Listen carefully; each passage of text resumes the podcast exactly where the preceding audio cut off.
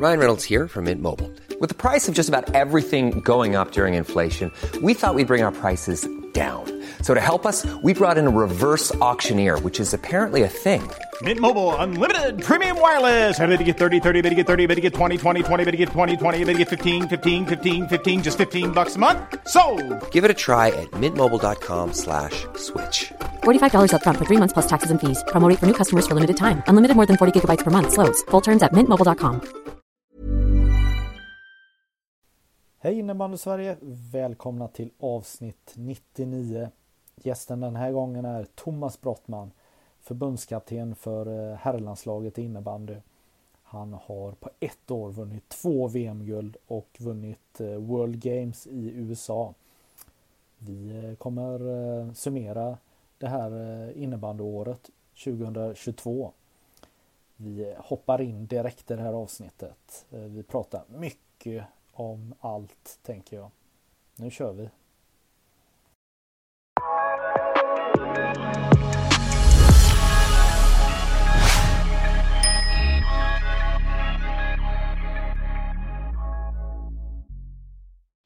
Thomas Brottman, välkommen till det här eh, samtalet.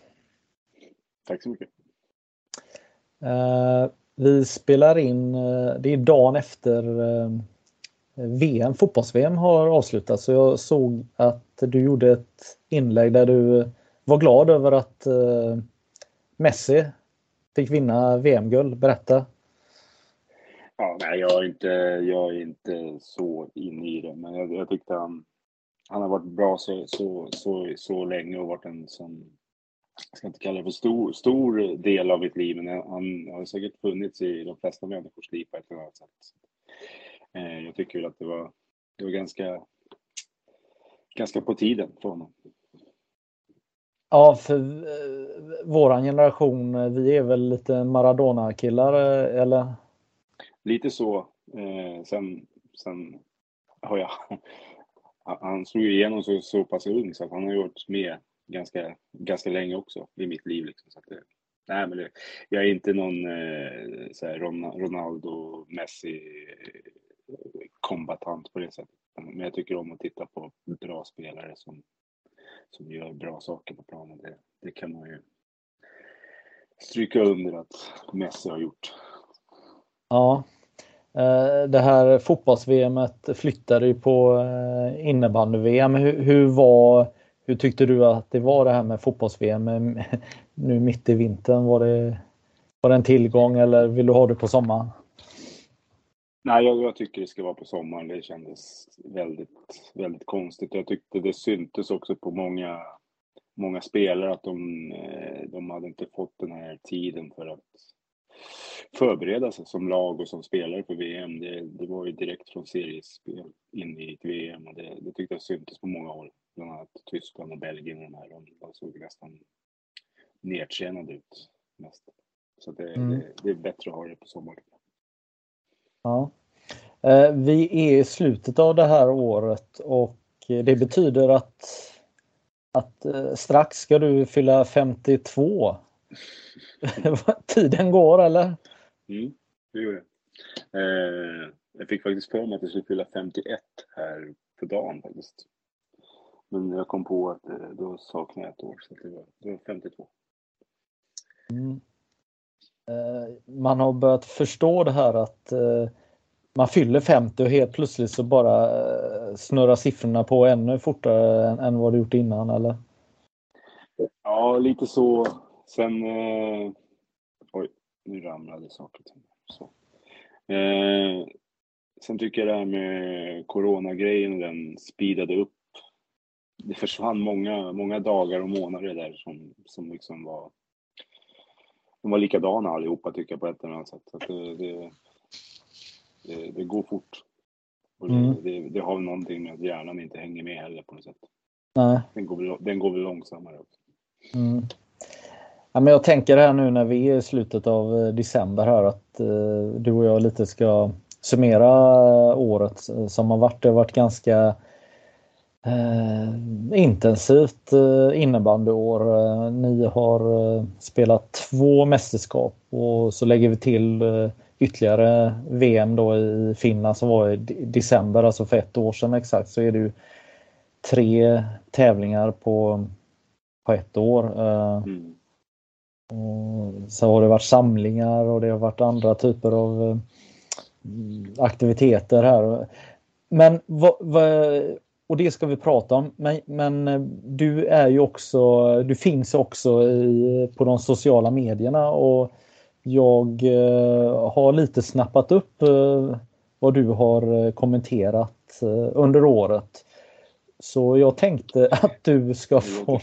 Ja, det låter farligt. Nej, men det var inte så farligt. Jag, när man går in och tittar så, eller man minns fel ibland. Ibland tror man att det är mer än, än vad det är. Men Sen funderar jag på, um, det kanske du får säga sen, vilka inlägg som du har raderat innan de har press, eh, trycks ut och sen undrar jag faktiskt om det är något här och där som du har tagit bort i efterhand. Här. Men eh, skitsamma här, vi, vi blandar här eh, stort och brett här. Eh, vi börjar med eh, det som skedde för några veckor sedan här jag säger bara Börje Salming. Mm. Ja, den var, den var jobbig tycker jag. jag. När det kom fram att han var sjuk, eh, då, då gick jag in i någon sorts Börje Salming-skugga. Jag, tittade, jag, jag kunde inte titta på någonting från, från alla hyllningar han fick borta i Toronto och inte på Ja, det var väl någon gala här i Sverige också. Jag, jag klarade inte av att se de där filmerna. Så det, det, var jobbigt och sen gick det så snabbt efter det. Som, så det var, det var faktiskt en, en ren sorg för mig. Det var, det var jättejobbigt. Ja, det är ju på flera plan eh, för din del. Dels så har du en eh, ishockeybakgrund och du är uppväxt också eh, samtidigt som jag är uppväxt. Så jag, för, jag menar, där har Börje Salming varit en del av våra liv sedan vi egentligen lärde oss gå i stort sett. Men sen eh, var ju du också du eh, representerade ju Salming eh, innebandy och då när Börje Salming också då var involverad i marknadsföringen av, av märket. Berätta. Mm. Eh, nej, men de startade ju upp innebandyavdelningen där. Eh, Rickard Jonsson heter han, de som inte vet vem det är. Han, han är en gammal jag tror han kom från Jönköping från början, men var, var, blev stark man i Pittsburgh bland annat.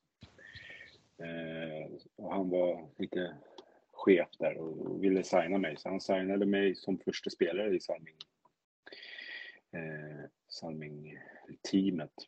Och då fick man vara med, det var jättekul. Man fick vara med och alltså, bygga blad och, och göra massa ritningar och sånt där. Så det var, var mycket så här utvecklingsmöten och där var Börje med. Och ja, vi fick liksom diskutera och komma varandra. Inte, jag ska inte säga att vi var, kom varandra nära på livet, men det var ju ändå just under den tiden så, så kändes det som att han... Men han, jag har ju förstått att han är en sån människa också, att man känner att man är någon sorts... Han tar, tar in en i, i sin famn på något sätt. Så man känner sig sedd och, och nästan som en, en bästa kompis med honom. Eh, och det var, det var jättefint och stort på alla sätt. Ja, eh, precis. Eh, Salming hade ju funnits eh, som innebandymärke. De hade haft någon egentligen skräpklubba innan där så gjorde de väl en riktig satsning där då.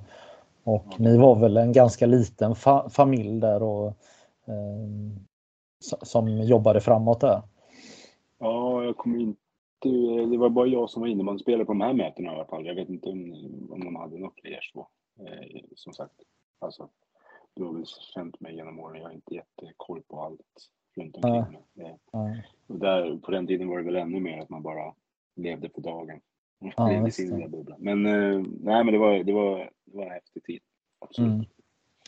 Ja, nej, det var otroligt eh, tufft det här med Börje. Själv så såg man ju det här inslaget som var, jag vet inte om det var Expressen som hade den här intervjun och efter det, jag håller med, det var väldigt, väldigt smärtsamt att, att se allt men samtidigt så har man förstått att det var lite typiskt i början att, att bjussa på det här och eh, visa upp hur vidrig den här sjukdomen är.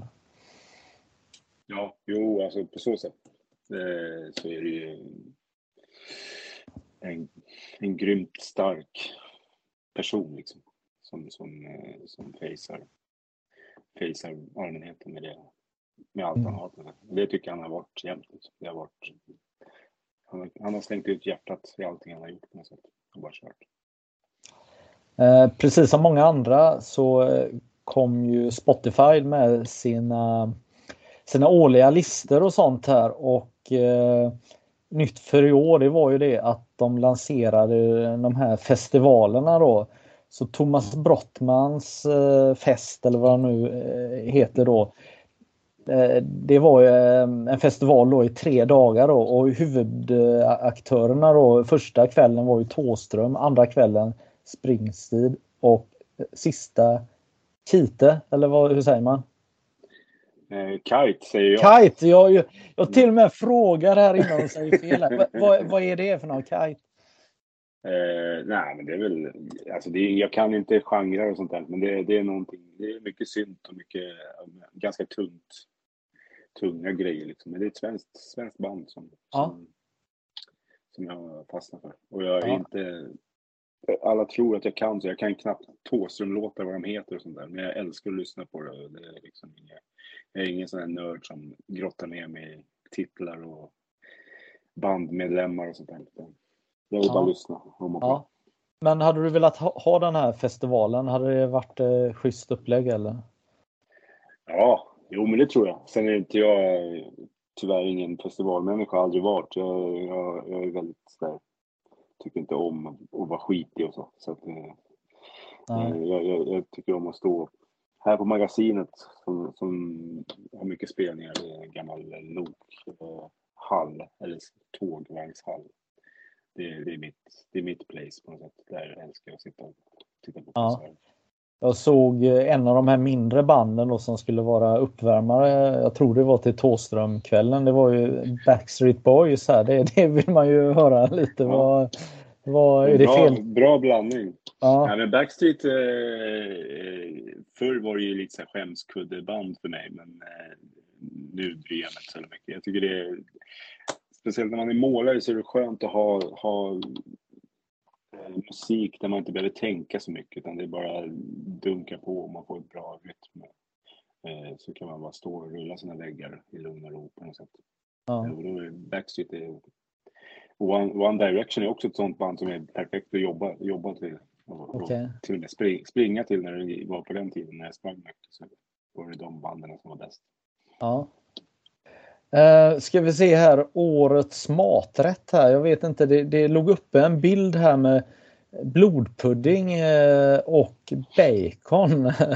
Berätta.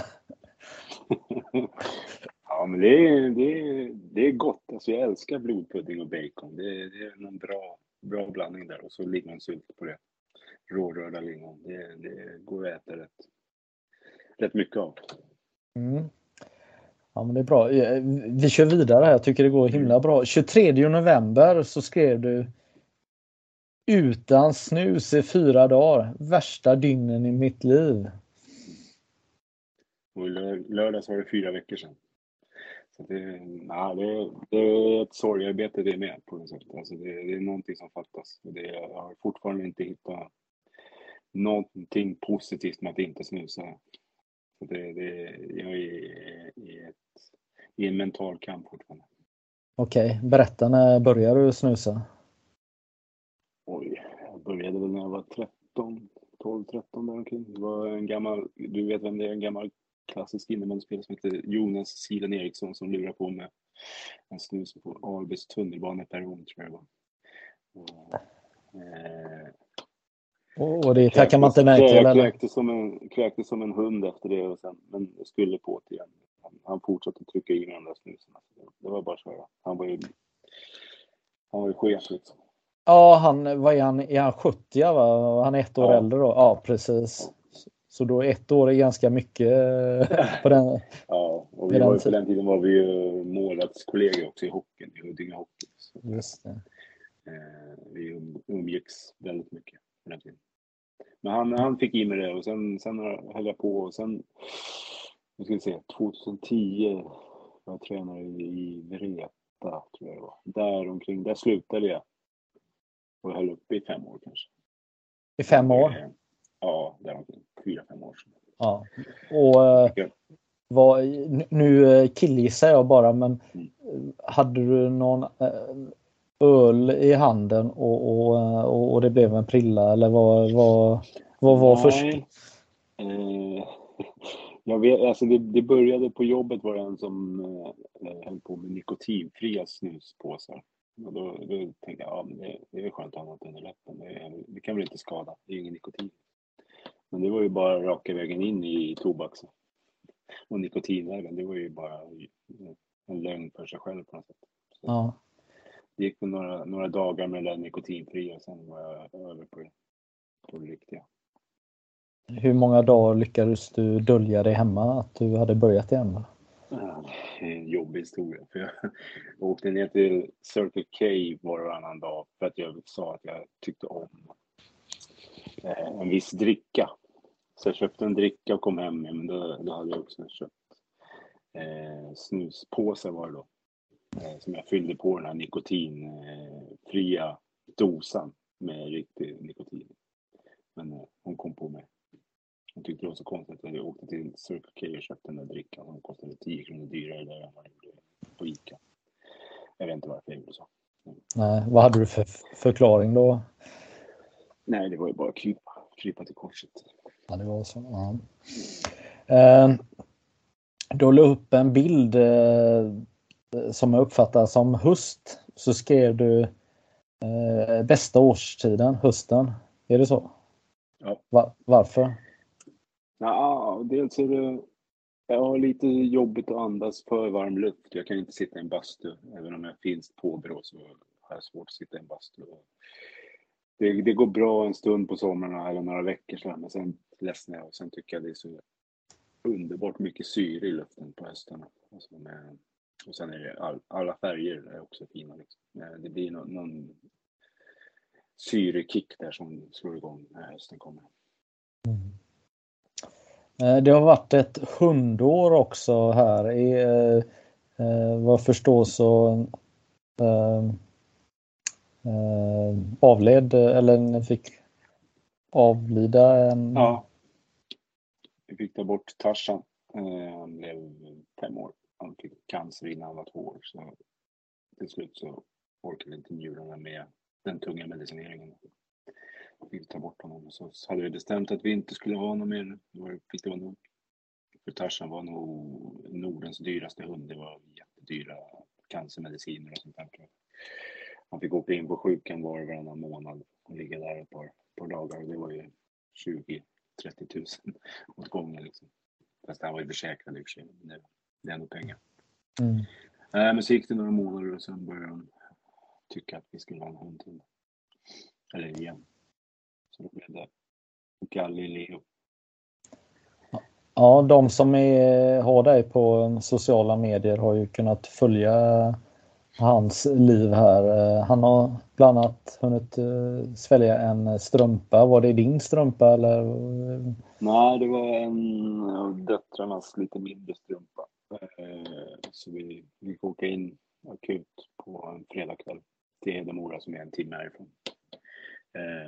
Men då kom det ju upp lite andra saker också. Så det var någon trosa som kom upp också. Oj. Ja.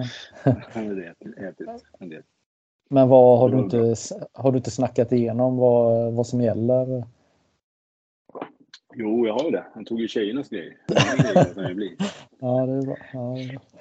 Ja. 11 augusti.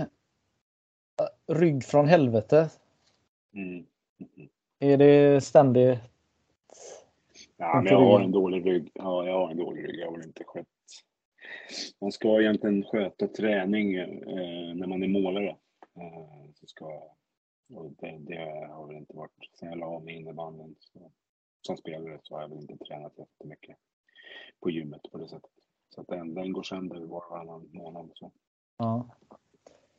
Eh, 21 maj, vad gjorde du då? 21 maj, runt SM? Ja, nej, Nej, det är april är det. april är det. Maj? Nej, det vet jag inte. Ja, du gjorde någonting 23 april också och 21 maj gjorde du någonting också. Du var på någon Thåström-konsert. Jaha, ja. Ja. Eller du har sett den flera gånger eh, under året. Ja, jo, men eh, jag såg han här i... Det var, det var SM-finalkvällen eh, som han spelade här i Falun. Så då åkte jag ju i stort sett... Jag var ju på SM-finalen och tittade. Så jag åkte därifrån direkt hem. Eh, lite snabbt med bil. Så han, han kollade på han här. Och sen var det, var han avslutade han ju sin turné. Nu, nu har han gjort en klubbturné också, den, den missade jag, men han avslutade sin stora turné på, på Avicii. Han körde själv där eller? Avicii, ja. Det är, ju- det är ju stort. Men Han är stor. Han är gud. Ja. Ja. För du har också haft ett inlägg under året där, där du tycker att man borde ha för, eller man bör, man bör ha, sälja biljetter till för, att bara gå på förbanden Ja. till var han förband också till Rolling Stones eller? Ja, jo, det var Och eh, jag tror en biljett skulle kosta 1600 spänn tror jag. Ja, han spelade fem, 45 minuter någonting och jag är inte intresserad av att titta på Rolling Stones. Det är inte någonting som jag, jag gillar. Så då tänkte jag, fan kan man inte bara få se honom för en halv, halva priset? Men du gick dit ändå eller? Nej, nej, nej. Nej, nej. Fan. Så, så viktigt var det inte. Det var ju Nej. mitt i, i hans turné så det var ju samma, Ja, okej. samma spel, spelning. Ja, det blir väl kanske inte riktigt samma sak heller när publiken som är där inte Nej, nej. är, är- så intresserad av honom kanske heller. Nej. Eh, 27 april så skrev du att idrotten är skoningslös. Nej, så, så 27 februari, 27 februari skrev du att eh, idrotten är skoningslös. Mhm. Vad kan det vara? 27 februari. Ja, jag har fan ingen aning. Nej. Eh, Djurgården. Ja. Mm. Är det innebandyn då eller? Nej, ja det kunde varit både, eh, det kunde varit det. Men eh, is, ishockeyn var... eh, Ja. Du är djurgårdare eller? ja. Eh, men ganska tyst sådan just nu. Mm. Eh, jag är inte jätteintresserad av allsvensk fotboll så jag hänger inte riktigt med där som, som Ludde Persson och de där gör. Men eh, Nej. hockeyn, hockeyn har jag i alla fall hyfs, hyfsad koll på. Det är lite tufft just nu. Mm. Precis. Eh, 27 mars. Vilken jävla coachöga av Holmgren. Minns du vad du skrev? Ja, jag tror han satte upp Patrik Burman som forward och han gjorde två mål eller någonting sånt där. Två plus mål. ett här. Ja, Sista, sista 17 minuterna. Ja, ja, den såg jag inte komma då. Det var, nej. Vad, får, man skriva vad som helst som förbundskapten eller? jag vet inte. Eh, Nej, det är inte så farligt det, det du skrev här, men det, det är ju kul. Ja, nej, men de, de ville väl att jag skulle vara som jag alltid har varit på något sätt när jag skrev på för, som förbundskapten. Eh, sen, sen fick man ju liksom ta det mellan tummen och pekfingret på något sätt. Mm. Eh, så nej, jag har faktiskt inte behövt tagit bort så mycket. Jag har förstått. Nej, Det har gått rätt bra hittills. gött. Uppsala universitet. Mm. Berätta. Det är min dotter, äldsta dotter som går där nu, om det är det du menar. Ja, du var ganska glad. Ja, nej men det var, det var, det var häftigt. Det, hon kom in på, jag kan inte det där. Jag är ingen akademiker eller någonting men det var tydligen, ingenjörslinjen var ett av de, de, de svåraste på ingenjörslinjerna. Hon, hon är där nu, kommer hem nu om några dagar. Hon var hemma när vi hade VM så jag missade henne. Så det ska bli kul att få se henne äntligen.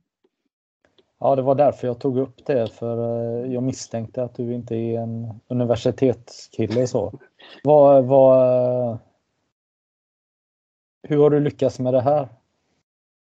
Jag vet inte. Eh, båda döttrarna går, har gått, eller den yngsta går ju också natur, den äldsta gick natur. Så jag gick ju bara målarplugget. Det är väl Åsas gener som, som speglar det där på något sätt. Ja. Klokheten. Den, den, har, den kommer inte från mig i alla fall. Nej. Eh, du skriver här att det finns en hel del eh, paddelhallar som borde göras om till innebandyhallar, speciellt i storstadsområdena. Ja, jag tycker det är väl ypperligt nu när de börjar gå i konkurs allihopa. Men nu kan vi, det är bara dumt att låta dem förfalla. Kan vi ja. ja, det tycker jag låter som en, eh, en bra idé här. Ska vi se här. Den här så kallade lagkaptenen behöver gå en ABC-kurs i lagkaptens ja, tjofrejsan. Han behöver också en kurs i mediaträning och ja, det är möjligt också att han behöver gå någon uh, summer camp. Vad, vad var det? Djurgårdens innebandy... Lagkapten i innebandylaget som eh, gick ut och var, kanske inte var så jättesmart, tycker jag, eh, när han kritiserade Roger Östergrens ja, om han blev sparkad, jag vet inte vad Men eh, han, blev, han, var, han var, blev inte kvar som tränare i alla fall. Då tycker jag man kan låta det vara där. Man behöver inte vara ute i media och på svänga kring sånt. Nej. Eh, men det är väl får man frågan så kan man väl säga någonting men man kanske kan eh, ja, tänka, ja, igen, det... tänka igenom lite vad man säger eller? Ja, det, det är ändå människor vi har att göra med på något sätt. Det behövs väl inte. Det är nog, nog med att man inte får vara kvar i laget. Man behöver inte hålla på sparka ännu mer på honom. Mm. Eh, du var i USA med eh, innebandy, innebandylandslaget. Men det var inte din första resa till Nordamerika med, med ett landslag? Nej, vi var i Kanada med och eh, juniorkronorna, eller junior, alltså pojklandslaget. Eh, spelade en turnering, kommer jag ihåg. Kommer inte ihåg jättemycket av den, men jag kommer ihåg att vi var där.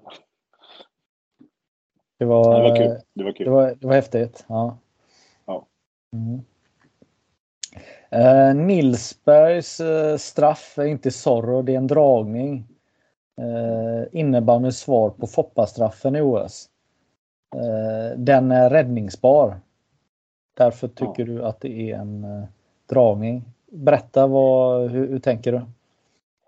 Nej, men jag tycker det är många som eh, slänger sig med, med, med ordet Zorro, svarar varandra i allting nu just nu. Alltså, jag, jag, alltså det där Nilsbert gör, han drar en dragning eh, i, i klon eller vad vi ska kalla det för. Eh, det tycker inte jag är Zorro. Zorro är när man drar tillbaka den sen och håller på och viftar fram och tillbaka. Då, då börjar man zorra. Eh, och då är det omöjligt att ta bollen. Eh, eh och det där tycker jag är bara en, det är en, en, en variant på Foppa, Foppa-straffen i OS. Där man liksom drar den förbi målvakten på andra sidan. Have catch yourself eating the same flavorless dinner three days in a row? Dreaming of something better? Well, hello fresh is your guilt free dream come true baby. It's me, Gigi Palmer. Let's wake up those taste buds with hot, juicy pecan crusted chicken or garlic butter shrimp scampi. Mm. Hello Fresh. Stop dreaming of all the delicious possibilities and dig in at HelloFresh.com. Let's get this dinner party started. Hiring for your small business? If you're not looking for professionals on LinkedIn, you're looking in the wrong place. That's like looking for your car keys in a fish tank. LinkedIn helps you hire professionals you can't find anywhere else, even those who aren't actively searching for a new job but might be open to the perfect role. In a given month, over 70% of LinkedIn users don't even visit other leading job sites. So start looking in the right place. With LinkedIn, you can hire professionals like a professional. Post your free job on linkedin.com slash achieve today. Ja. Eh, sen när man kollar din Twitter här så i ett första skede när man eh, kan din karriär så känner man Eh, man skrattar lite in, inombords för att man tänker att nu är det en elefant i ett eh, glashus här men eh, du, du skrev att det borde finnas någon punkt i elitlicensen som ställer krav på en ledarstab får se ut för att anses elit. Och då tänker jag med dig då som har stått med keps och eh, brutit många av de här reglerna hur man ska se ut i ett, i ett bås. Men det kanske inte riktigt var det du menar, men det, det var eh, Mullsjö som hade match va? Ja, Mullsjö eh, och eh, Kalmarsund också var det. Men sen visade det sig att det var något fel i protokollet så Kalmarsund hade ju rätt antal, eller rätt, hade i alla fall fler ledare i, i båset än, än, bara två. Jag tycker det ser, det ser inte proffsigt ut och det, det blir liksom fel någonstans när man åker ner två stycken på en bortamatch. Ja. Eh, så det var, det var väl det jag tycker, det, det, det handlar väl om vad, vad föreningen har för, för mål med sitt, sin verksamhet någonstans. Ja. Å andra sidan eh, i landslaget här som varit 10 eller 11 ledare. Det känns ju nästan det känns ju nästan lite too much åt andra hållet eller? Det behövs. Det behövs. Det behövs. Det är ju några som håller koll på mig och Niklas också bara. Som har bara den uppgiften. Ja, det är ju sant. Det tänkte jag inte på. Nej. Mm. Ha, eh, bra, då har jag tittat. Jo, du sa också här Fan vad jag saknar MTV Unplugged. Det är bästa programmet, uh, ja, i alla fall musikprogrammet. Ja. Som du, vad, uh, vad är det du gillar med när artisterna framträdde på MTV Unplugged på 90-talet var det väl egentligen mest? Ja, mestadels. Ja. Nej, men jag tyckte om att de tog, tog bort el, elen ibland liksom och bara blev mer naket och mer nära. Jag, jag gillade det. Jag tyckte det var fina, fina stunder framför tvn. Mm. Har du eh, något som sticker ut? Eh, två som jag var, lyssnade väldigt mycket på. Det var en var Brian Adams. Och sen var det, nej tre är det som jag lyssnade mycket på. Nirvana lyssnade jag mycket på. Eh, och eh, Rod Stewart. Oj, ja. ja visst, den, den var bra. Ja, det visste jag inte ens att han gjorde. Men Nirvana är väl eh, den mest kända tror jag nu som ja, da, dagens ungdomar eh, eh, har eh, plockat med. Jag har väl en annan favorit men det behöver vi inte nämna här nu. Eh, men ha, om vi ska gå över och eh, prata lite vad som hänt det här året. Jag tänker vi, vi, vi, eh, vi hoppar lite här. Vi, vi hoppar in i World Games, alltså eh, det här som spelades i USA. Uh, uh, ja, det, det det började väl lite speciellt där. Det var sjukstuga och eh, ni hade väldigt, väldigt liten trupp. Alltså hur nära var det att eh, ni ledare bytte om och, och körde? Det måste ändå varit väldigt nära. Eh, nej, det var det väl inte. Men, men det, var, det var lite kaosaktigt där med Kevin Haglund åkte på någon eh, det var ju, han var ju magsjuk trodde vi, men det var ju inte magsjukan. Det, det visade sig att han hade körtelfeber sen efter VD, när vi kom hem. Eh, sen var det väl ja, lite annat också som var lite sjukt, sjuk, lite sådär.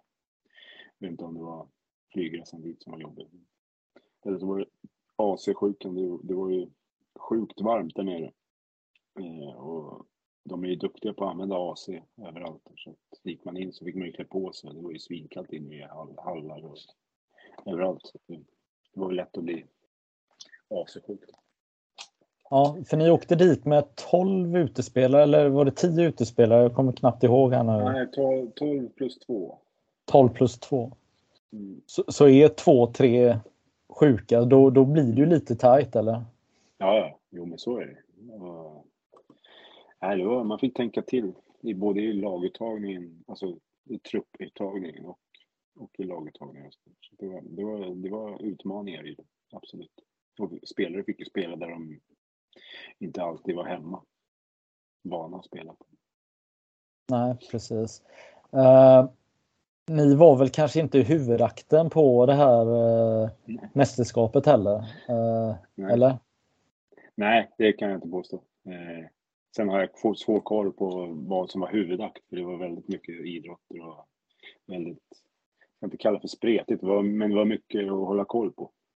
Eh, och det fortsatte ju, jag vet inte om det var på i någon månad eller någonting, vi var ju bara där 13 dagar eller någonting. Det var mycket. Mm. Eh, men det, hur var det allt runt omkring? Eh, det var väl inte, allt var väl inte så här jätteperfekt. Eh, så, kan du berätta lite, hur, hur var det för er att, att som landslag att vara där i, i USA? Eh, nej, men jag, jag tyckte, jag hade inga jättehöga förväntningar. Vi hade, vi hade ju fått hört från spelare som hade varit eh, fyra år tidigare i Polen eller vad det var någonstans. Mm, Där hade det ju varit kaos tydligen och eh, massa, massa ohyra på rummen och sånt där. Och jättekonstigt. Så att jag, jag hade inte jättehöga förväntningar men där, alltså det vart jättebra med, med tanke på, alltså jänkare är ju bra på att arrangera sånt där och är jävligt proffsiga och trevliga och det var fint där vi var liksom. Campus var ju jättefint. Eh, och, nej, men det var, jag tyckte det var en upplevelse, det var kul. Sen visst, vi spelade i en sån här kongresshall liksom. Eh, uppbyggda läktare och sådär. Så det, det var väl inte eh, dit man vill, alltså dit vi vill vara på något sätt rent sportsligt. Men man får ju ta, ta sedan dit den kommer på något sätt. Vi är inte större än så just nu. Så. Nej. Vad, ehm, eh, ni pratar väl antagligen med några andra eh, eh utanför innebandyn eh, tänker jag. Men vad, var man nyfiken på eran sport eller på våran sport? Alltså undrar man vad eh, var det några som var lite nyfikna på innebandyn och eh, se potentialen eller på något sätt? Eh? Jo, men det var, det var ju folk och tittade och, undrade och absolut, det var det. Var. Sen eh, var ju alla så inne i sina grejer så att det var liksom inte... Och det var ganska utspritt så, så att det var ju liksom, det var inte alla, det var inte en, en idrott, alltså klick med, med idrotter runt omkring som där man kunde bara hoppa emellan hallarna utan man fick ju åka ganska långa bit, långa vägar för att komma till nästa arena och sånt. Det blev ju liksom inte så. Men, men absolut, det var folk på läktaren som var och tittade första gången och sånt, som tyckte det var häftigt. Jag och spelarna måste känna sig otroligt motiverad eh, när man kunde vinna en vattenflaska då som matchens lirarpris. Mm. Ja, det, det var ju grymma priser. Ja, det, ja, man vet inte om man, man ska gråta eller skratta där, men eh, ja, jag vet inte. Eh, Man har velat vara med på det, på det mötet där när man eh, konstaterar men eh, vattenflaska ska vi, Ja. ska vi, ska vi köra på. eh. Ja, nej, det, ja, men, jättekul att, att, att ni var där och, och vann och hela den biten. Det jag är, är lite ledsen över då, det är väl att man kanske inte eh, slog, eh, vad, vad, vad säger man, man gjorde ingen myt av, av det hela på något sätt. Alltså, eh, jag, jag är ju själv uppvuxen med ishockeyn när de var i USA och vann första gången så, så står de eh, på flygplanet med cowboyhattar och, och sådär. Lite att man eh, fattade att man har varit i USA och tävlat och sånt här. Men det, det kändes som att eh, ni spelade av det här och gjorde det som eh, förväntades av, er. Men det gjordes inte så mycket annat runt omkring eh, känner jag. Nej, det var, det var svårt att göra saker runt omkring. Det var ganska kompakt allting. Vi, eh, det var liksom ingen förberedelse, det var någon, någon träning innan på Arlanda när vi stack och det var liksom inget så, så det fanns inte riktigt tid för, för så, sånt, sådana saker liksom. Eh, men jag håller med, visst, det hade väl, hade det varit på Balrog-tiden så hade det varit lite andra saker. Mm. Men, eh, det, det, det där finns, finns kanske inte längre i DNA i innebandyn som fanns, som det var förr. Liksom, att man på något sätt var tvungen att hävda sig i allting man höll på med. Nej, Nej det var ja, det du säger där, det, det stämmer nog faktiskt. Det, det är kanske det som saknas lite. Det, och, eh, men eh, man kan ju tycka att du som är ansvarig för det sportsliga inte har med det att göra och, och det kanske inte spelarna heller har men samtidigt så alla behöver bidra med sitt på något sätt eh, ändå. Mm. Jo, jag tycker väl att jag, jag och Niklas försöker vara så öppna och bjussiga som vi kan i våra roller som förbundskaptener. Eh, jag har förstått dels från er och sen från annan media att vi vi har gjort det bra. Liksom. De, det är många som är nöjda med det vi håller på med i, i just den här öppenheten. Så att, sen vet jag inte. Det, jag, kan ju, jag kan ju tycka någonstans att det skulle vara kul om det börjar hända lite saker i SSL också kring sånt här. Att spelare vågar sticka ut mer och att det blir lite mer. Eh, det är lite mer mellanmjölk just nu. Det, det, man vågar inte säga saker högt. Man, man är lite mer kompis med allt och alla och det blir liksom inte de här grejerna man kan hänga upp inför, inför vissa matcher. Att eh, det finns liksom matcher i matcherna eller någonting. Det, det, det, det liksom suddas ut mer och mer för varje, varje år på något sätt. Ja, nej men det håller jag med om. Och, men vad, vad behövs göras då? Alltså behöver man, eh, jag menar att du säger det som förbundskapten, det är ju det är ju jättebra. Vad, är det mer som behöver stötta den tanken eller vad, eh, vad tänker du? Jag, jag kan nog... Eh, någonstans, jag, har inte, jag har inte tänkt hela varvet runt, men sociala medier är väl en sorts... Även om man tycker att det har blivit enklare liksom att nå ut, men det har ju också blivit någon sorts... Eh, lite för enkelt att nå ut. På våran tid, nu, nu låter jag som Gandalf den grå eller någonting. Men alltså, vi var ju tvungna att skrika högt för att höras i media på något sätt. Och då blev det liksom, då fick man ju ta i med stora penseldragarna hela tiden liksom. Eh, nu, nu känns det som folk är, är, är, mer rädda om, om vad, de, vad de säger och vad de, vad de ska tycka och vad folk ska tycka om dem i och med att det är för enkelt.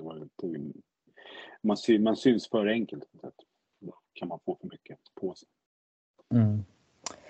Men å andra sidan så är ju också det här dilemmat eh, att eh, om det är stjärnspelare då som är landslagsaktuella så, så kan man inte ta alla strider för man spelar ändå ihop i ett, i ett landslag. Om, om, man tar ishockey och fotboll så är ju, är ju spelarna mer utspridda. De spelar i andra länder, andra ligor. Här, här blir det Eh, ja, samma gäng. Man, man, spelar i samma seriespel och sen så spelar man i landslaget ihop. Ja, men jag tycker ändå att vi, vi har varit ganska tydliga med att eh, de ska vara de de är eh, i SSL. Sen, sen har vi en, en visionär liksom, dusch när vi kliver in i, i, innanför landslagets väggar och där är vi helt andra mot varandra. Vi vill ju att de ska alltså, köra mot varandra så hårt som möjligt. Det, det, det kommer bara bli, göra landslaget bättre på något sätt. Eh, istället för att, man spar, att de bästa spelarna spar sig mot varandra. Det, det utvecklar inte någon av dem. Nej. Vad, ni vann eh, guld då i, i USA. Det, det som fotbollslandslaget eh, misslyckades med eh, vad är det, 28 år sedan. Men det, det, det var inte många guldmedaljer ni vann. Nej, vi, var, vi vann var det 14 stycken tror jag. det var en, en, en medalj för alla ledare. Vi var fyra ledare där. Vi var fem ledare. Och vem tog den då? Eh, jag vet faktiskt inte vem som har den, om det är Niklas eller om det är Jörgen. Jag, jag, jag har ingen koll faktiskt. Det är Mm. inte så viktigt för mig det. Nej. Men eh, blev det någon tatuering då? Nej, jag håller inte på med tatueringar. Det får andra, andra göra och det gör de. Ja. Ja, ja eh, Mika Pakalén här. Det blev några tatueringar här. Ja, tatuerar för oss alla. Ja. ja. Ehm, Okej, ehm, nu, eh, nu är det ju en, vad är det? Ja, det är ju eh, över en månad sedan eh, VM spelades. Nu, nu, nu kan man ju börja prata om VM lite när det finns lite distans här. Vad, ni vann. Mm. Varför då? Ja, det, lite tur, eh, men väldigt mycket skicklighet. Eh, och sen en bra, bra grupp som, som, som är villiga och redo att göra jävligt mycket för varandra för att, för att vinna. Det, det är väl de tre nyckelgrejerna på något sätt. Ja, turneringen var ju redan i november här då med tanke på fotbolls-VM här då. Vad, hur, hur, hur kom ni in i turneringen och vad hände under turneringen? Och, eh, Nej, vi, vi kom väl in ganska bra tycker jag. Vi hade några skavanker redan in i turneringen med Johan Samuelsson och Robin Nils. Robin Nilsbert hade någon rygg och ja, Tobbe hade ju vilat lite grann under serien och sådär med, med sin rygg eller höft eller vad. Eh, så det fanns lite orosmoment men, men ja, hur, tänk, hur tänkte ni med, med Johan eh, Samuelsson där? För det är ju ändå ehm, eh, ganska stor risk. Eh, för han var ju inte helt hundra. att man- Nej, det är väl klart att man gamblar lite grann. Men vi, vi hade målet var att han skulle vara som bäst eh, de två, och i alla fall den, den sista matchen, de två sista matcherna. Eh, så att han skulle ju matchas in i det allt eftersom. Och så blev det ju. Ja, eh, vi hade ju, alltså vi, medicinerna hade ju sagt, sagt eh, att det var, det var lugnt liksom. Så att det, var, det var inga problem så, det var ju mer att det skulle göra ont om man fick en smäll.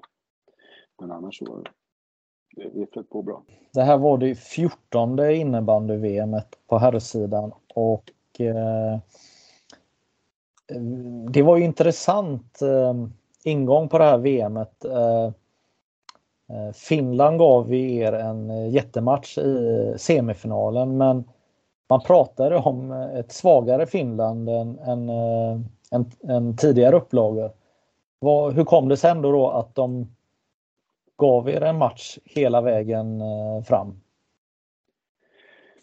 Nej, men alltså, jag, jag, jag tror det handlar om att Sverige och Finland, det, det kommer alltid, det, oavsett vad det är för, för ingångsvärde i de matcherna, så, så kommer det alltid bli tajt på något ett eller annat sätt. Det, det, det är en sån, en sån, eh, sån typ av match. Alltså, eh, det har byggts upp, det finns en tradition och historik kring det. Och sen, sen är det ju det där brödraskapet på något sätt som, som måste hävdas och claimas på något sätt. Eh, och där vi hamnade nu i det här VMet så, så var ju vi var nog deras drömmotståndare i den matchen som, som blev. Eh, de, hade, de hade inte så mycket att förlora, de hade gått lite knackigt under, under turneringen fram tills dess. Så de hade ju bara saker att vinna mot oss. Eh, och vi, vi hade väl kanske lite mer att förlora i den typen av match. Så det blev, blev någon mental grej där som, som också spelade in. Eh, Absolut. Eh, Det känns ju inte någon gång som att eh, man från finsk håll har protesterat mot att, att, att läget var så inför turneringen. Nej.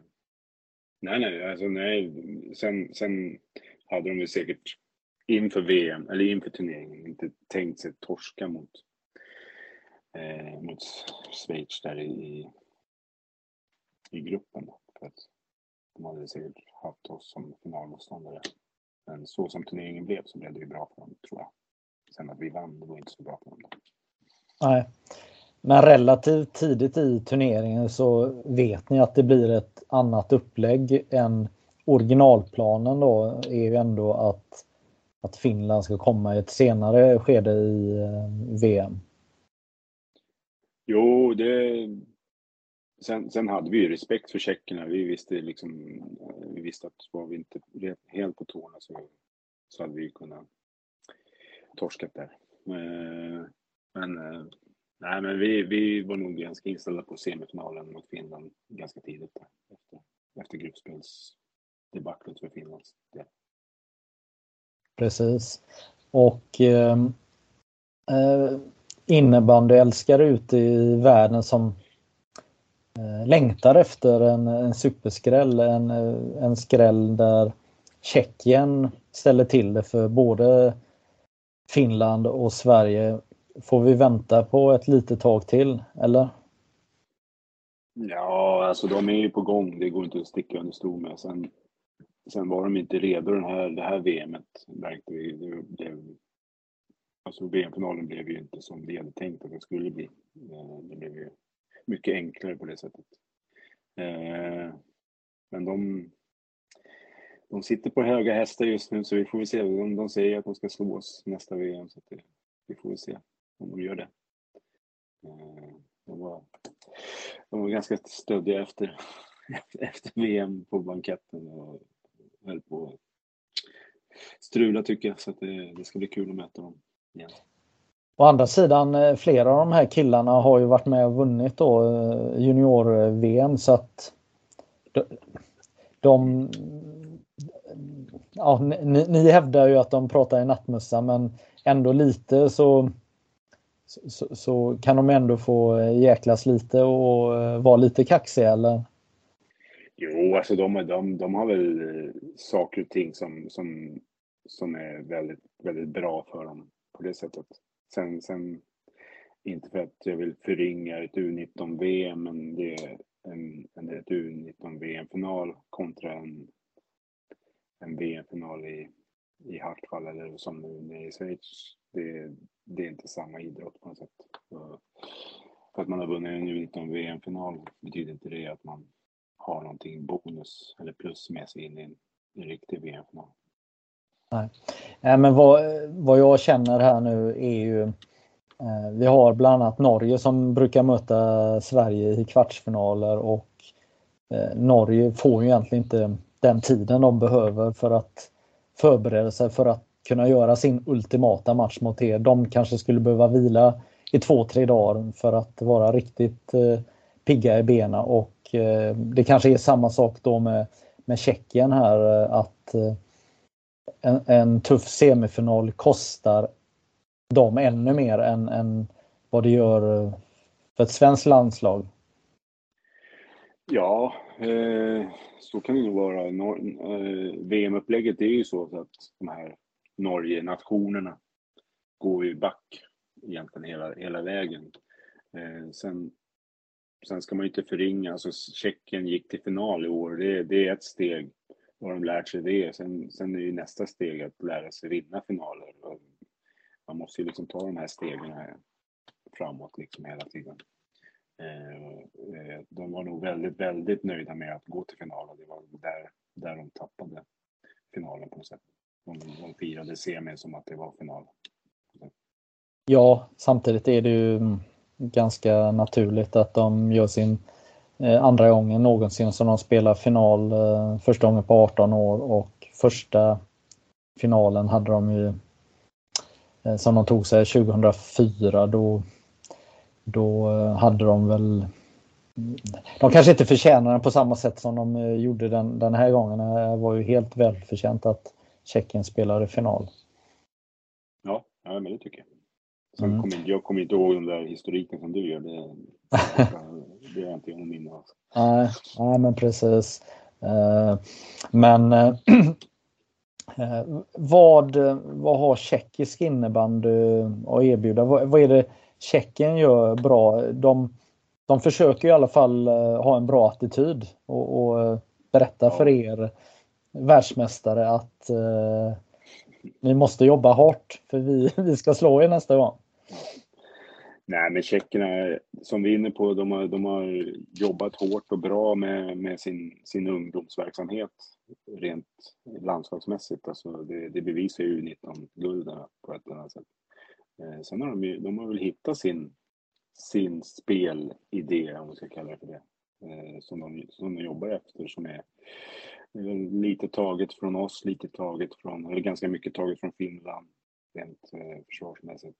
Och sen, sen försöker de liksom mixa det med egna, egna grejer, att de är, de är väldigt eh, man säga, oömma i sitt spel. De har, de har ganska stora, starka, tuffa spelare.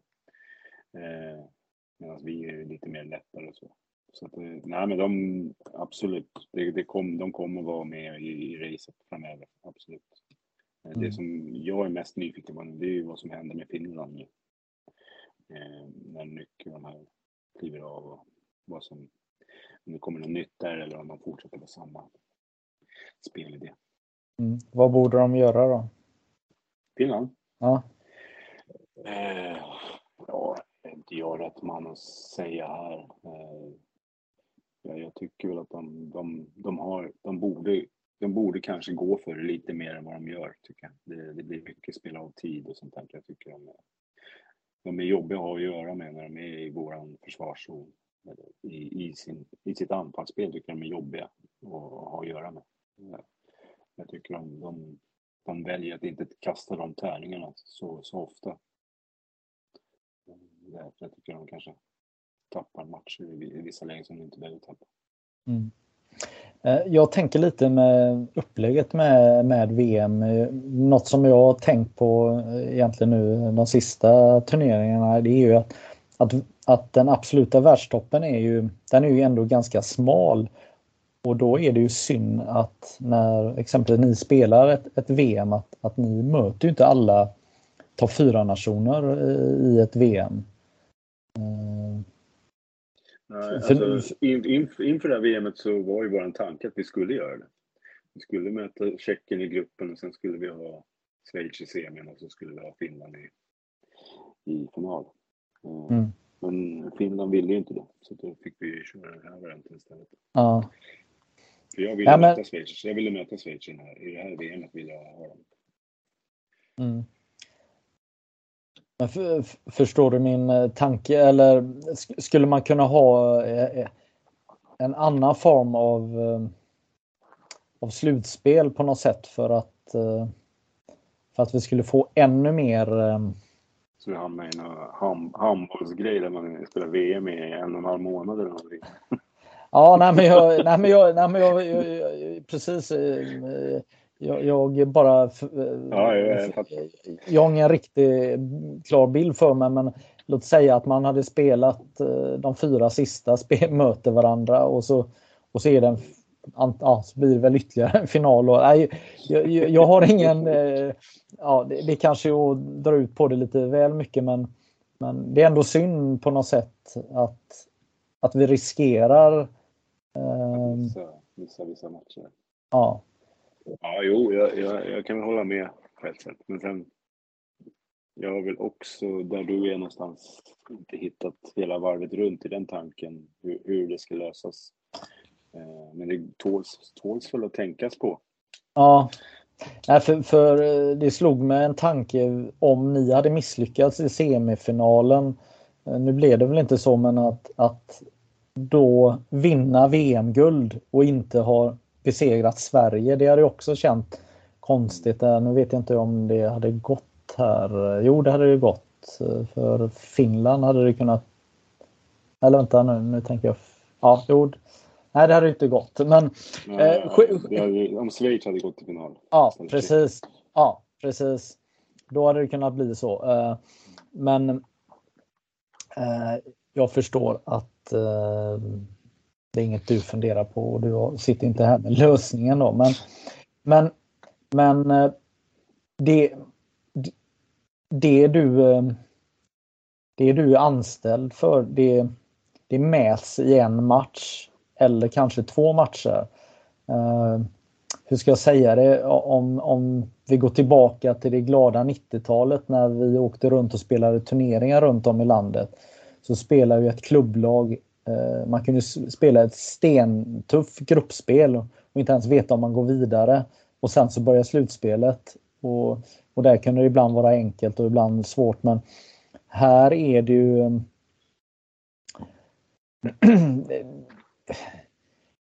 en form av transportsträcka. Så. Det är ju en eller två riktigt tuffa matcher i, i gruppspelet men så blir ju kvartsfinalen blir ju ganska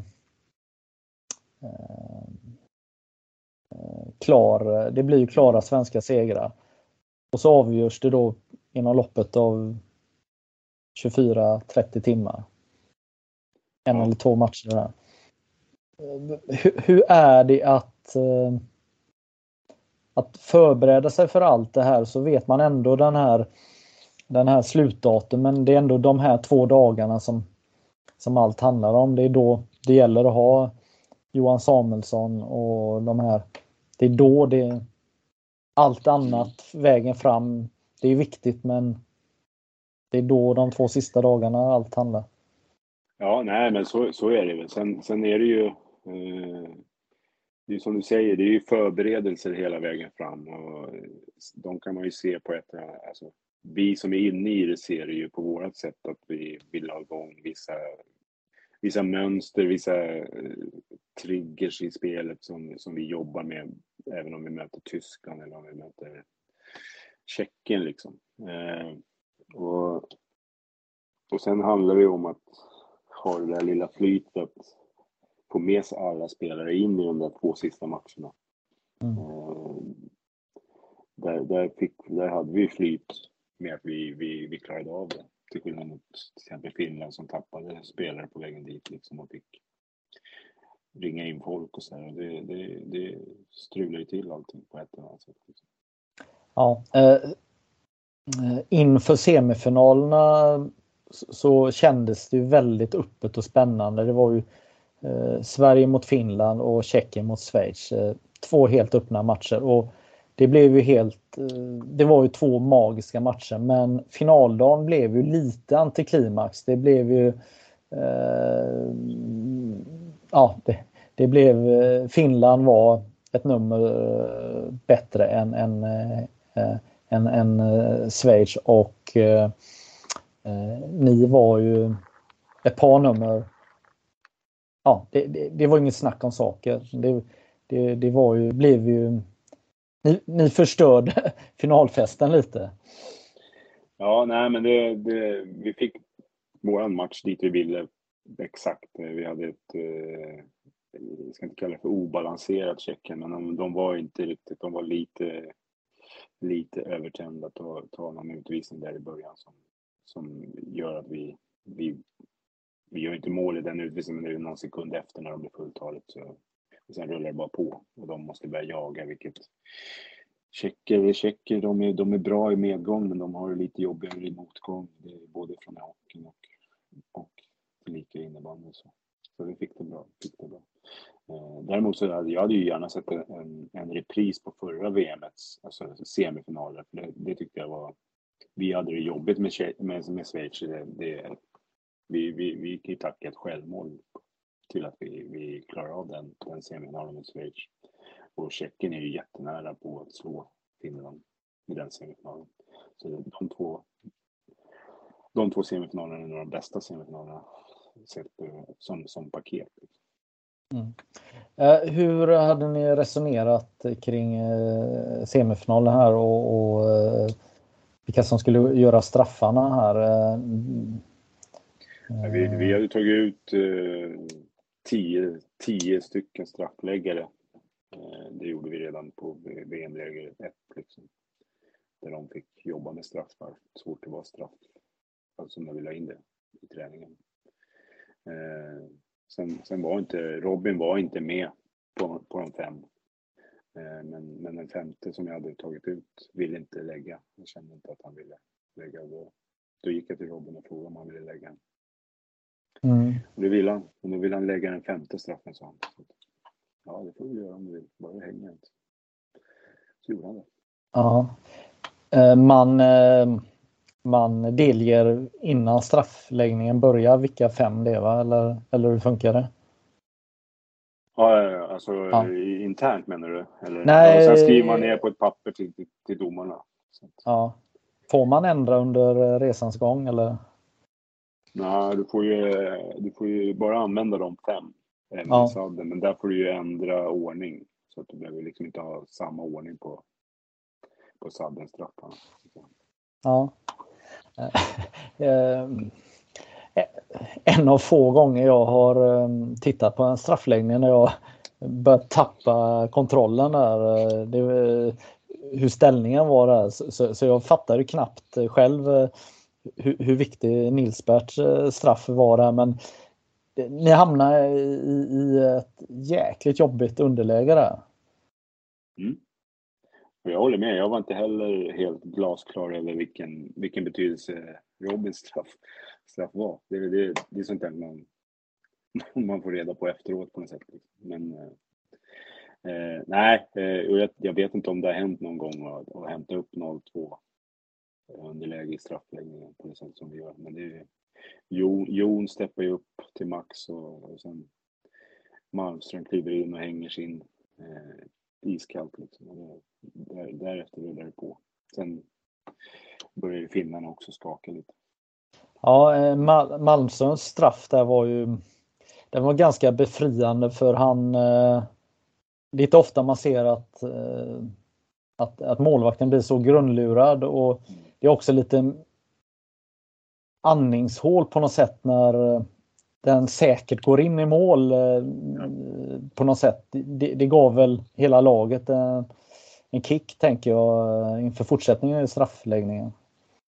Lite, jo, men så är det ju. Sen, sen var det ju viktigt att få, få, få lite gungning på Torisieva i finska målet. Det var, väl, det var den bästa matchen jag sett honom göra i, i landslaget. Sen, jag har inte sett alla han har gjort, men, men jag tyckte han var grym hela matchen. Och det var jobbigt läge i straffläggningen. jag tyckte han var i zonen. Och jag tycker mm. att Malmströms, Malmströms straff gör ju att han hamnar ur zonen lite grann också. Det är viktigt ja. mentalt. Uh, och i, uh, i de här saddenstraffarna, uh, är det så att kan samma straffskytt göra alla straffar? I ishockey är det väl så att, att man kan att ja, sjätte straffen... Mm, ja. Du kan ändra ordning men du måste ha, gå igenom alla fem igen innan du kan börja om. Liksom. Ja. Och då är det naturligt att man, att man börjar med de som har suttit först eller, eller, eller hur, hur, hur tänker man? Eller har man di dialog efter första fem straffarna? Lite hur, ja, hur man känner eller? Det är lite, man, man, man stoppar väl upp fingret i vädret lite och känner av läget på vissa håll och kanter. Så. Sen, sen är det givetvis den som har ett plus, plus i, i protokollet ligger ju lite före den som har minus, absolut. Men sen, mm. sen visste man ju någonstans att har Galanten missat den så kommer han inte missa två. Det är väldigt sällan, så då hade man ju den i bonus på något sätt. Ja, just det. Ja. Eh, men det är väl också en trygghet att det är flera personer som har spelat mycket sådana här finaler i arenamatcher och den här typen av situationer, eller? Jo, lite så är det ju. Sen nu, nu blir det väldigt mycket tjat om Malmström som inte har varit, han har inte varit på den här nivån förut, men att bara kliva in och göra, göra det där iskall, inte spelat en sekund i, i matchen, typ. Jo, några, några, några sekunder fick han väl kanske. Nej, Nej han spelade ingenting. Nej, han gjorde inte det. Han spelade finalen. Eh, men det är ju sådana psyken också man vill ha och det var ju det, det, var ju det psyket vi, vi var ute efter när vi tog ut honom. För att vi har ju sett att han bryr sig inte så jävla mycket om vad som händer runt omkring honom. Han kör ju sin grej. Ja, nej, men det, det är läckert för jag, jag eh, befann mig bakom målet och, och då eh, ser jag från åtta meter att han tar upp klubban ur klubbfodralet och får tag i en boll där bakom sargen och drar. Alltså det, jag tror många som hade sett det här hade känt, oj shit, ska han göra det här annars? Ska han gå in och göra en straff? Alltså från bänken. Det är ju inte så att han har haft tre månaders semester och går in och, och kör, men det är ändå men samtidigt så handlar det om känslan. Har man rätt känsla så är det väl bara att gå in och göra sin grej. Ja, lite så är det. Sen, nu har jag inte pratat jättedjupt med honom, men vad jag förstått så har han ju inte Alltså han har ju inte några rena varianter i sina straff utan han, han går ju och läser av målvakten och sen anpassar han straffen efter vad som händer med målvakten. Ja. Så han har ju jättemånga varianter på det då. Alltså det blir ju, han, han kör efter, efter situation på något sätt. Mm. Det är, det är, hade jag vetat det innan jag tog ut honom så kanske jag inte hade tagit ut honom. Ja, ja men det... uh, ja men det, det är ju bra att, uh, att uh, straffskyttarna gör som, som de har sagt mm. till er. Vi alla minns ju Håkan Mild som eh, krävde att få göra första straffen i fotbolls-VM 94 och han eh, gick ju inte så bra eh, där. Så, ja, han 71 som det är där så att men han slapp att leva med den straffmissen. Så. Om två år så så är det nytt VM. Eh, det är ju långt kvar. Eh, hur tänker ni nu här?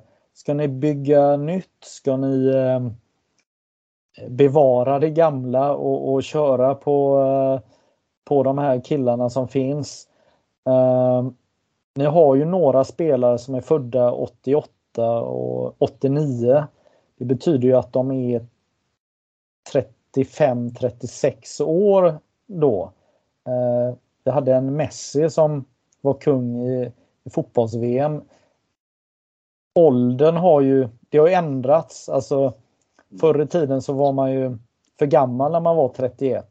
Nu så är man ju nu är det ju många i många världssporter där man kan leverera eh, efter 35-årsdagen också. Jo, så är det ju. Alltså, spelarna och lagen och tränarna har ju blivit bättre på att maximera en idrottares liv på något sätt. Eh, så att det, nej, hur vi tänker, just nu så vet vi ju ingenting eftersom vi, har, vi sitter i en, en utvärderingsfas och efter det ska det ju liksom tas ett beslut eh, om vi ska fortsätta eller inte. Vi, vi har ingen koll alls just nu på hur förbundet tänker på det. Jaha, ni, men ni har ju kontrakt över 2024 eh, va? Ja, men det finns ju det finns en klausul där, där båda parterna har rätt att säga upp avtalet nu i januari. Här. Jaha. Eh, så det är ju ett 2 plus 1 kontrakt kan man säga. Okej, okay, ja. Jaha, vad tråkigt. Så du kanske slutar här nu. Får du lämna tillbaka dina kläder och så här nu eh, mellandagarna? Ja. Uh, nej, jag, jag, har inte hört någonting. Vi har, jag har precis lämnat in uh, en utvärderingsrapport för, för VM här nu som vi gjorde i staben. Så att, uh, sen, sen, vet jag inte. Det blir ju någon sittning här i januari så får vi se. Ja, men vad, vad handlar en sån utvärdering av? Är, är de på förbundet, är de lite...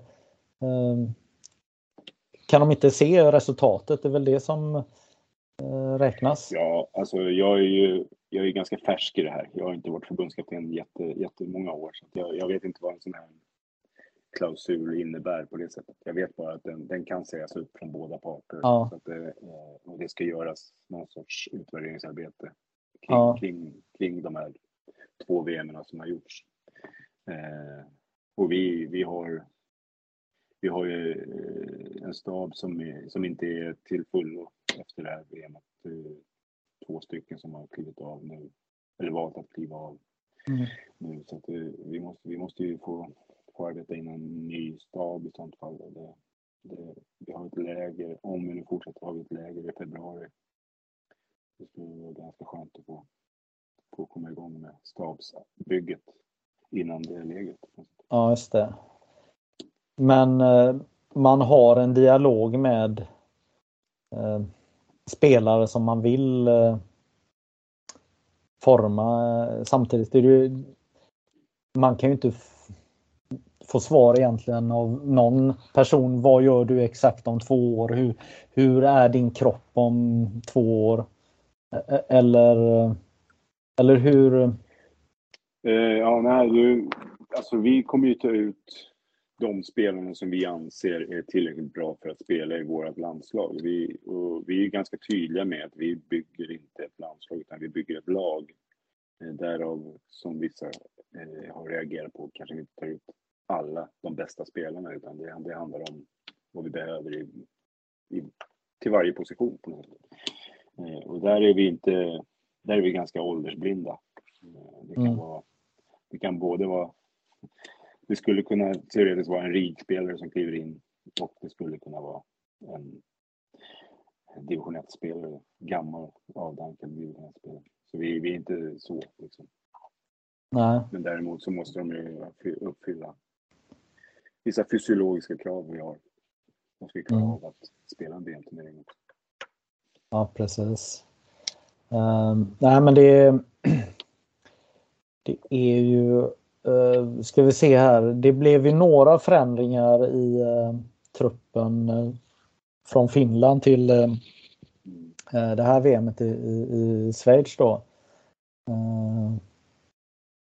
och till kommande VM så är det ju det är två år emellan. Det, det är ju det är, det är mycket längre tid då så då kan man väl förvänta sig fler ändringar i, i truppen. Ja, i alla fall så om vi nu leker med tanken att vi får fortsätta. Ja. Så, så, så kommer vi i alla fall bredda den här 30-truppen. Alltså de som är aktuella för den här 30-truppen. Nu, nu har vi varit uppe på 35-40 spelare kanske som har varit aktuella för den här 30-truppen. Nu kanske vi vill ha en, en, en ännu mer bredd i den, eh, den kategorin så att säga. Så vi vet. Och vi, alltså ingen skulle, alltså det skulle vara jättekul att bygga ett helt nytt landslag på ett sätt. Liksom, med bara ungdomlig entusiasm och det är ganska tröttsamt ibland att försöka lära gamla hundar sitta hela tiden. Det kan vara rätt skönt att få forma en spelare också. Å andra sidan kan det vara rätt gött att bara släppa ut eh, gubbarna så löser de det ändå eller? Det självspelande pianot. Här. Exakt. Nej, men, men eh, men jag menar det är ju, är ju så att eh, det kanske inte är de 18 bästa innebandyspelarna i landet som tas, eh, tas ut till ett VM-lag då. Eh, vad nu som är bäst då men hur, hur känns det att inte ta ut en del spelare som är jäkligt bra innebandyspelare men som inte passar in. Jag vet eh, Niklas pratade med mig om exempelvis Martin Östholm då som när vi pratade ledde poängligan i, i SSL eh, eh, vid, vid, den tidpunkten och ja, var inte ens aktuell då. Var, och, och, det bygger på att, att ni inte såg att ni kunde bygga en formation runt honom då eller där han hade en en, eh, en viktig roll. Hur, hur, säljer man in, hur säljer man in att eh, man inte, ja du får inte vara med eller eller andra ja, typer av spelare? Det är väl klart att vi, vi skulle vilja ha med alla, alla bra spelare. Men det går ju liksom inte. Vi måste ju, vi måste ju ner på, om man tar Martin Östholm spelar exemplet liksom, så är det sådana spelare som, som, som det, de behöver sitt utrymme för att kunna prestera och de behöver sin, sin omgivning. Och, eh, Östholm ska inte hålla på och tugga i en tredje femma och liksom göra korta byten och lite in, in, instopp här och där liksom för att eh, jag som coach ska kunna ändra matchbilder och sånt där. Eh, då, då konkurrerar han ju mot det beror på vilken position vi pratar om då, men då blir det ju kanske ren eller Eh, Johan Samuelsson eller Kim Nilsson eller alltså det blir ju väldigt hårfina grejer liksom där vi anser att de här passar bättre in för, för just det här just nu. Eh, med det sagt så är ju Östholm, om man spelar, fortfarande aktuell för nästa VM. Alltså alla är ju det på ett eller annat sätt. Liksom. Eh, så vi får se vad som händer med, med den här truppen som vi har haft nu, vad, vilka som försvinner därifrån och vad, vad behöver vi in och sen vill vi ju utveckla vårat spel. Vi tycker inte att vi är i närheten av det spelet som vi vill spela i en VM-final hittills liksom. Då kanske vi måste ha ett annat tänk och här två år, du säger, det är ju lång tid. Då kan vi kanske hinna bygga upp någonting spelmässigt eh, som, som kan bli, bli bra liksom. Med mm. andra typer av spelare och annan typ av formationstänk. Liksom. Mm. Eh, om vi pratar lite SSL här och vad som hänt under det här året. Om vi först börjar med eh, hur förra säsongen eh, slutade då. Falun vann ju SM-guld mm. igen. Varför vann man SM-guld den säsongen? Nej, men de har just nu så har de ju, och det är ju från förra säsongen också, har de ju eh, det bästa laget på Alltså de har ju tre stycken första formationer egentligen. Eh, det fina med, med dem just nu är ju att alla, alla de här formationerna, eller spelarna, accepterar sina roller. Eh, men om man spelar i en så kallad 3D5, så ja, det, det, det är där någonstans de måste vara för att kunna ha de där spelarna. Så just nu rent individuellt mässigt, individmässigt och truppmässigt så är ingen i närheten av Falun. Eh, det är därför de vinner för, för mm. Vad är det i Falun som har varit bra? Jag tänker en sån som Rasmus Enström som, som traskat lite mellan eh, forward och back. Är det också ett sätt att vara flexibel i, i, i spelet? Att, att, man, att man får lite nytändning och förändring och, och kanske nyttjar hans egenskaper som laget behöver ännu mer eller vad, hur, hur tänker du? Eh, men jag tycker den största och viktigaste delen är väl de här komplementspelarna tycker jag som eh, vi pratade om eh, Burman förut, liksom han kliver in som forward i någon match och gör 2 plus 1 och sen Emil Lundmark kanske är den mest underskattade spelaren i serien. Eh, Men han är grym i det han har spelat, kan spela överallt. Eh, det är alla de där som gör att Rasmus Enström kan i lugn och ro spela back, spela in sig på backen och bli väldigt duktig på det. Liksom. Och Galanti kan koncentrera sig på att skjuta sina mål liksom. och Emil Johansson kan koncentrera sig på att springa sina kantlöpningar ner till bakom målen, eh, eller anfallsmål. Liksom. Det finns inte de här komplementspelarna då, då blir det ju strul för, för de här så kallade stjärnorna som ska, ska avgöra. Så det är väl där jag tycker att de, de lyckas just nu. Mm. Eh, och förra säsongen avslutades med, eller det avslutades inte men Djurgården fick lämna då eh, Stockholmslag och men vi fick upp AIK eh, igen. Det var inte samma klang och jubelföreställning när de gjorde comeback i SSL som det var då för 20 år sedan när Lasse Granqvist satt bakom spakarna och drev på AIK innebandy när de skulle ta över världen. Men nu kämpar de med näbbar och klor med eh, Magnus Gällund bland annat som kapten i, i, i eh, eh på bänken här. Vad, vad, eh, Stockholm behövs väl i, i, i eh, SSL eller? Jo men det tycker jag. Det, det, det, det, är, en, det är en skamfläck på innebandykartan just nu att, att det inte finns ett lag från Stockholm. Eller ja, nu finns det ett, men att de inte liksom har haft det tidigare. Och, eh, det ser väl lite tufft ut, men eh, det, kan, det kan gå. Så att vi, vi får som djurgårdare får väl hålla ett, en, en tumme i alla fall. Ja. Eh, jag, jag tänker att eh, Stockholmsdistriktet är ju ändå det klart största i, i eh, Sverige och eh, på sikt så kan ju inte det vara bra för eh, landslaget också att, att, att man inte har ett etablerat SSL-lag. Nu väljer många att röra på sig men alla stockholmare vill ju inte lämna Stockholm eh, med tanke på jobbsituation och sådana saker. Hur, hur, tänker du på det ur ett längre perspektiv, även med landslagsglasögon? Eh, ja, jag har inte tänkt på att Stockholm som stad är viktigt för landslaget på det sättet. Men eh, det är väl klart att eh, eh råmaterial försvinner ju på vägen Eh, eftersom eh, de är ju bevisligen bra på det de håller på med i ungdomsverksamheten i Stockholm som de får fram. De har ju mycket att ta av och få fram bra distriktslag och sånt där. Så att, eh, någonstans så borde det finnas eh, det kanske är så att det, det, är lite för mycket, för många kockar om allting. Eh, det kanske blir bra med, med det här nya serieupplägget, att det, det liksom koncentreras ner i, i färre, färre lag liksom, som, som ska ha de här talangerna. Mm. Mm.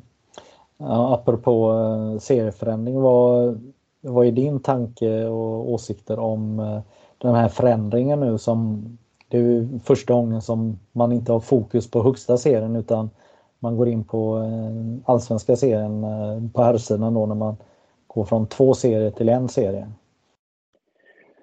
Eh, jag har inte, det vill jag vara tydlig, jag har inte varit med i den här processen i förbundet alls. Så jag, jag, bara, jag är bara åskådare och en ganska eh, simpel sådan. Men, men jag, jag tycker om det. Jag tycker, och jag tycker att det är för SSL det görs.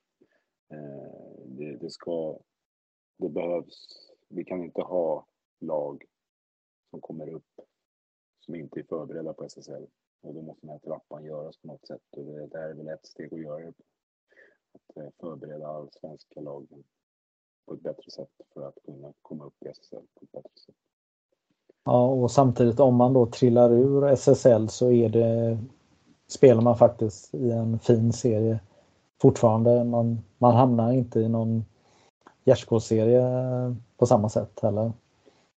Nej, det tycker jag inte. Alltså, jag, jag har faktiskt tittat rätt mycket på allsvenskan nu, men och jag tycker att det finns väldigt, det är väldigt rolig innebandy där. Och det, är, det är stundtals mycket, mycket roligare än, än i SSL. Så som, den, som SSL spelas just nu. Så eh, det kan bara bli bra saker. Mm. Eh, om vi tittar eh, hittills på SSL den här säsongen. Vi har lite uppdelad serie, eller det har vi. Vi har några tydliga bottenlag här nu då med Gävle, Hagunda, AIK och eh, Jönköping och vi får väl även ha med Dalen då såklart. Eh, det, är, det är fem lag här som, som eh, krigar för att slippa de här två sista platserna. Mm.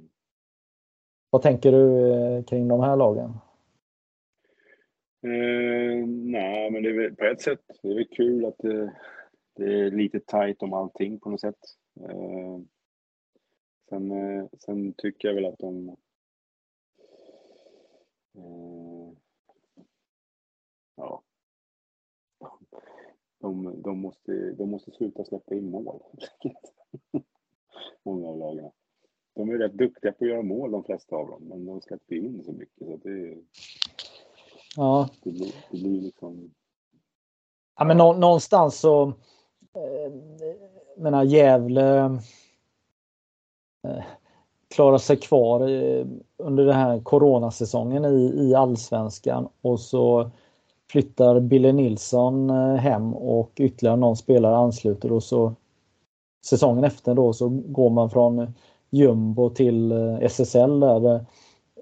Den resan gick ju extremt snabbt och fort. Och de har väl gjort sitt yttersta för att på något sätt parera den situationen och AIK då som också kom upp. Eh, de själva kanske såg sig som eh, en given favorit att nå SSL men för många så var det ju också en liten överraskning att AIK tog steget så att det var väl två lag i alla fall som hyfsat oväntat ändå blev SSL lag eh, den här säsongen? Jo, lite så är det Det gick, eh, gick väldigt snabbt där för bland annat Gävle.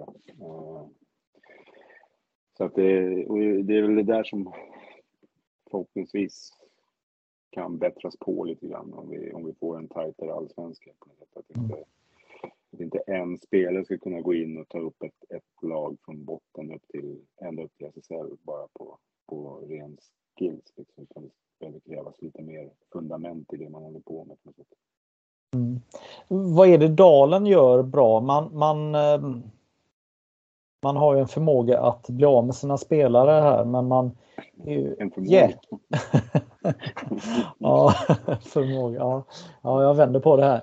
Ja. Men, men eh, om man pratar om förmåga så har de ändå en förmåga om att, eh, av att eh, slå med något trollspö på spelare och över en sommar göra dem till SSL-spelare. Mm. Vad, vad, är det Dalen gör bra som organisation? För de, de, har ändå, de får ändå lite kämpa i motvind. Ja, nej men jag, jag tror, jag, jag, har inte jätte, jättemycket insikt i Dalen på det sättet, men, men jag tror att de här eh, Eh, de har kulturbärare som, som är i Ketil och lite annat folk liksom som, som visar någonstans vägen, vad som krävs för att kunna spela eh, SSL på en, på en hyfsat bra nivå. Sen, eh, det är väl någon sorts, jag vet, jag vet inte hur Ketil är, men jag kan tänka mig att det är en kravställare liksom. Att det finns saker som måste göras för att han ska vara nöjd med varje spelare liksom. Och, eh, det, det, är väl det som, som jag kan tänka mig innefattar Dalen på något sätt. Att de, de har sin grej, de vet vad, vad som krävs och de, de kräver det av spelarna. Eh, oavsett om du är liksom färsk eller om du är Ketil så, ska, så är det fundament som ska göras innan man börjar flyger iväg. Liksom. Mm. Eh, du har pratat om eh, Faluns eh, förträfflighet då får, får vi säga. Vad, vad ser du fram emot av, av kring topplagen, kring slutspelslagen här nu andra delen av säsongen? Vad, vad förväntar du dig av, av lagen här? Jag skulle väl tycka att det skulle vara kul med lite schismer på något sätt. Att de börjar hata varandra. Alltså det, är, det är lite för mycket gull-gull. Alltså, skit i om, alltså ta en tvåa om det behövs ibland liksom bara för att liksom eh, vara uppe i ansiktet på folk. Det, jag tycker det, det, var, det var kul. Jag var och tittade på Falun Pixbo här för några vecka sedan. Eh, det var kul att se en sån som Fritzell liksom som han var ett, ett rent jävla svin i den matchen. Han sprang över folk i ryggar och han slog på fingrar på målvakter och var bara ett svin. Och det, för mig gjorde, gjorde han matchen. Matchen blev väldigt intressant för han fick med sig, hela Falun började liksom irritera sig på honom. Det blev tjafsigt och bökigt liksom. Det var inte så att den började slåss, slåss eller någonting, men det blev ändå han fick fokus på sig som gjorde att matchen blev mycket, mycket, mycket, mycket intressantare än att Falun dunkar in en massa mål hela tiden. Så att det, är lite sådana spelare som måste liksom vara lite oömma och jobbiga. Och ja. det, det blir intressant för publiken att titta på. Ja, men jag, eh, jag vet, jag hade samtal om, med, med Kim och Eskelinen precis om, om det här att, att det är ju sånt som kan få publiken att uh, komma tillbaka. Jag vill se nästa gång Pixbo kommer till uh, till Falun. För han den där nummer, ja, mm. han, han gillar jag inte eller, eller mm. han var en retsticka. Det, det, det, är lite, lite karaktär är det du är eh, ute efter. Ja, och jag är beredd att hålla med. Det, det, det är det som är så härligt. Men sen kanske det också kommer fram mer när man ser det live för att någonstans så så kanske inte det riktigt kommer fram från de här eh, sändningarna från SSL, eh, den här hettan som ibland finns. Nej, jag, jag håller med och där, vi har ett krux där och jag vet inte hur, hur man ska få till det men vi behöver ju fler kameror. Alltså, för det, det, blir, det blir segt med en kamera. Det, man får inte alls någon speed-upplevelse alls med, med en kamera ganska långt ifrån filmat. Och det, blir, det blir ganska slött allting på något sätt. Ja, det blir massa ryggar. Det blir ja, och... ryggsport blir det på något sätt. Ja. Man ser massa ryggar till höger och vänster. Och Sen när man vill se det här snygga målet så är det exakt samma vinkel. Jag menar nu när vi har haft fotbolls-VM, helt plötsligt så kommer en kamera från, mm. från taket. Va? Och, och dagen efter så har de hittat ytterligare någon kamera som eh, filmar från hörnflaggan och då får ett mål ännu mer eh, uppmärksamhet. Och, eh, ja, ja, men, ja, men så, så, så, är det. Men vad... Okej. Okay. Hur, hur slutar det här då? Falun kommer spela SM-final och, och vinna det här ganska enkelt eller? Ja, det borde väl vara så. Jag tror, jag tror det är Falun mot Växjö i final. Eh, Falun vinner kanske med tre, tre mål eller någonting.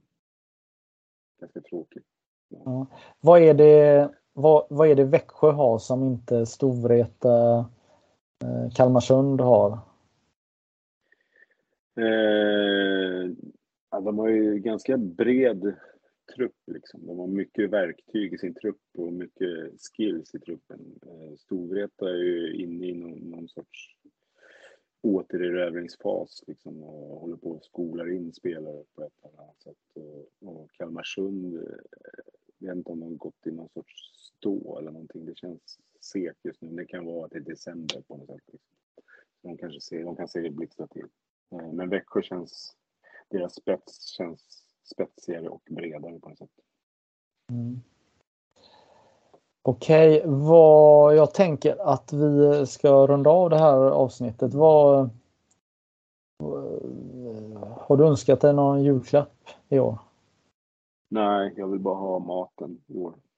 Aha, vad, vad, vad ska det vara för mat förutom eh, eh, nej, eh, blodpudding håller jag på att säga. Nej, men vad, Nej, men jag gillar allt. Men jag, jag är... På midsommarafton och på julafton då är det mycket sill och sånt där. Eh, sen äter jag inte det någon annan, någon annan gång. Men sill och sen vill jag gärna ha något, något, något kött. Liksom rådjursbog eller någonting som man skär upp lite fint sådär. Alltså rökt rådjursbog som, som man liksom kan tugga på. Lite som sen alltid köttbullar och sånt. Men det, det ska bli fint. Ja, men visst är det bra när det bunkras upp lite för mycket så man kan gå och småäta ett par dagar eller? Ja, ja mellandagarna är ju perfekt. Det är skinkmackor och sånt. jättefint. Ja, vad, ehm, ska du se någon innebandy under eh, juldagarna? Nej, men jag, jag, jag, jag försöker just, jag har sett alla matcher hittills. Jag ska fortsätta försöka hålla den, den takten. Liksom, så är det matcher så tittar jag på. Vadå? Har du sett alla SSL-matcher? Mm. Och, nej, alla? ja, sen, sen ska jag väl erkänna att alla har jag inte varit jättefokuserad på när jag tittat på dem, men de har, de har stått på. Ja, det är, det är imponerande. Det, det är... Jag har till och med sett Linköpings alla matcher. Ja, ja men det, det är bra. Då borde man ju ställa någon jätteklurig fråga. Nej men jo, eh, jag, måste ju fråga nu avslutningsvis bara här målarfråga här. Vad, är det någon färg som är, är skönare måla? Eh, en, en, eh, har du någon favoritfärg som, eller är det vitt som är? Jaha, du kulör? Ja, kulör, ja precis. eh, nej, men vitt är väl alltid fint. Det, det finns många varianter på vitt så det är fint. Ja. Grå, gråton tycker jag om, den täcker bra. Ja.